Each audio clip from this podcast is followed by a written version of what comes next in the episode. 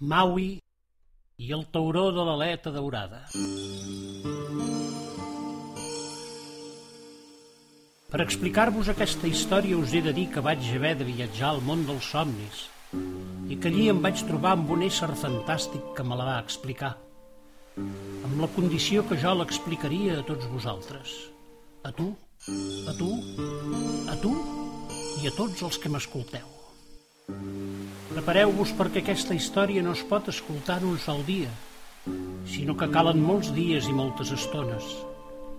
Fins i tot us diria que us caldria una llibreta per apuntar els molts personatges que surten i les fórmules secretes que s'hi barregen. Tot això us ho explico per introduir la història de Maui, de Maui i el tauró de l'aleta daurada.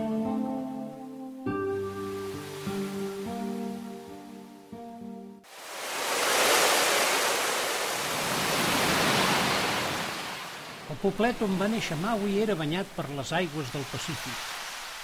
Les cabanes les havien construït enmig de la vegetació que feia llinda amb una platja de sorra grisa i còdols que arribaven d'un petit riu que naixia a les muntanyes de terra endins.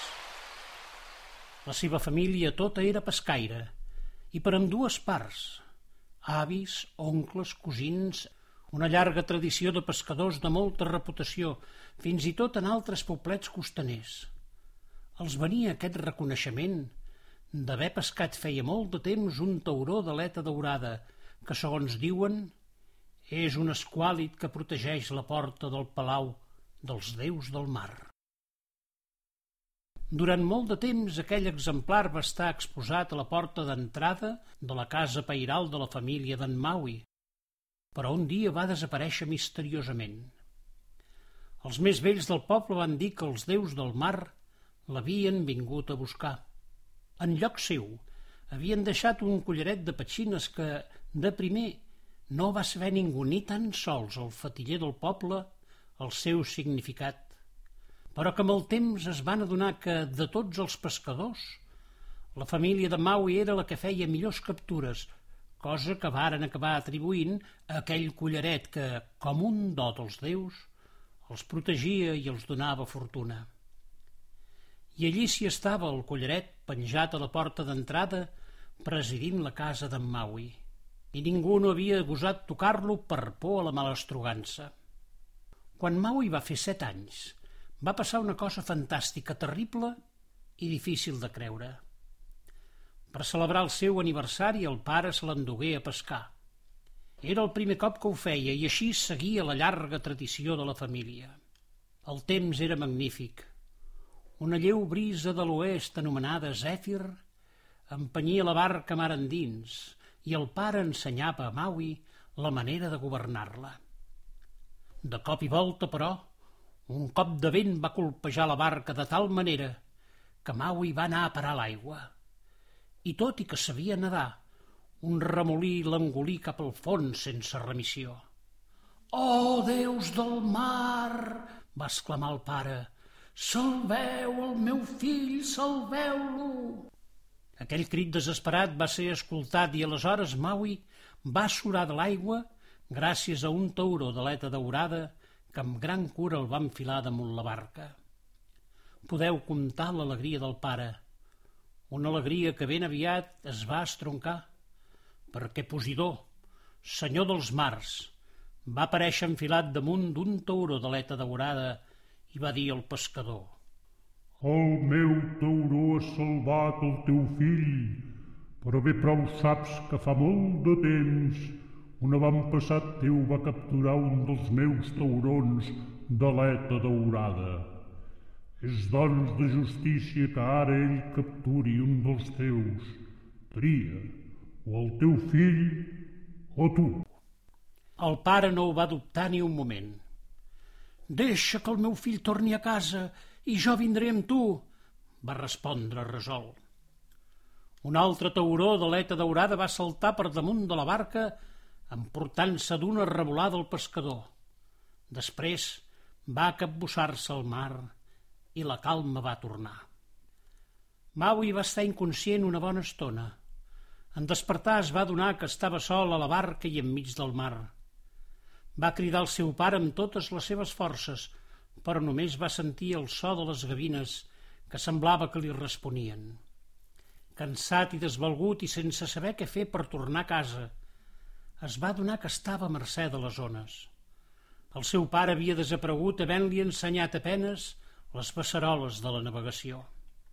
De cop i volta, però, li va venir al cap una cosa que sí que sabia. Les gavines. Les gavines no valen gaire lluny de la costa i potser seguint-les arribaria al seu poblet. Tota la por i tot el desesper que feia uns instants sentia s'havien esvaït. Sabia el que havia de fer.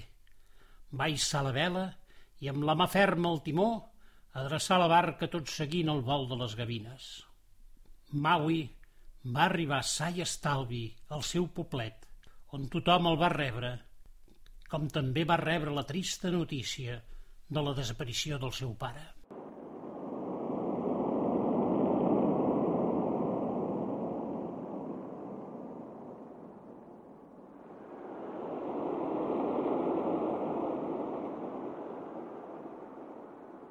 Havien passat cinc anys des de que Mau havia tornat sa i estalvi a casa seva i encara persistia en el seu cap la imatge d'aquell malson. No només havia perdut el seu pare, sinó també uns anys d'infantesa, ja que el noi es mostrava taciturn i amb poques ganes, per no dir cap ni una, de jugar amb els seus germans i amics. Quan algú intentava de parlar-hi, una sola idea li treia de la boca. He de tornar a mar per trobar el meu pare, poc servien les explicacions de la seva mare i els seus oncles quan li deien que el seu pare ja no tornaria, que malauradament el mar se l'havia endut. El cas, però, és que ningú no s'explicava què havia passat aquell dia d'infortuni. Maui no tenia cap explicació de com, de cop i volta, i després d'haver caigut a l'aigua, perquè això sí que se'n recordava, s'havia trobat tot sol a la barca i a la deriva. Només hi havia una persona que l'escoltava cada dia, pacient i atent, i li deia que, dins el seu cap, hi tenia la resposta. Era el seu besavi, Capalua, aquell qui li contava la llegenda del tauró de l'aleta daurada i de com un avantpassat seu l'havia pescat.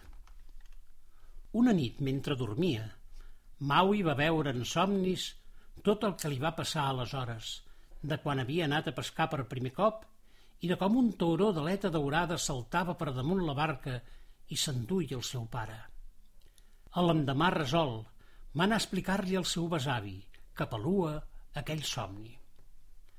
Aleshores, va dir l'ancià, potser sí que hauràs d'anar a cercar el teu pare i potser sí que, de primer, et caldrà pescar un tauró d'aleta daurada, perquè tot el que vols sigui possible.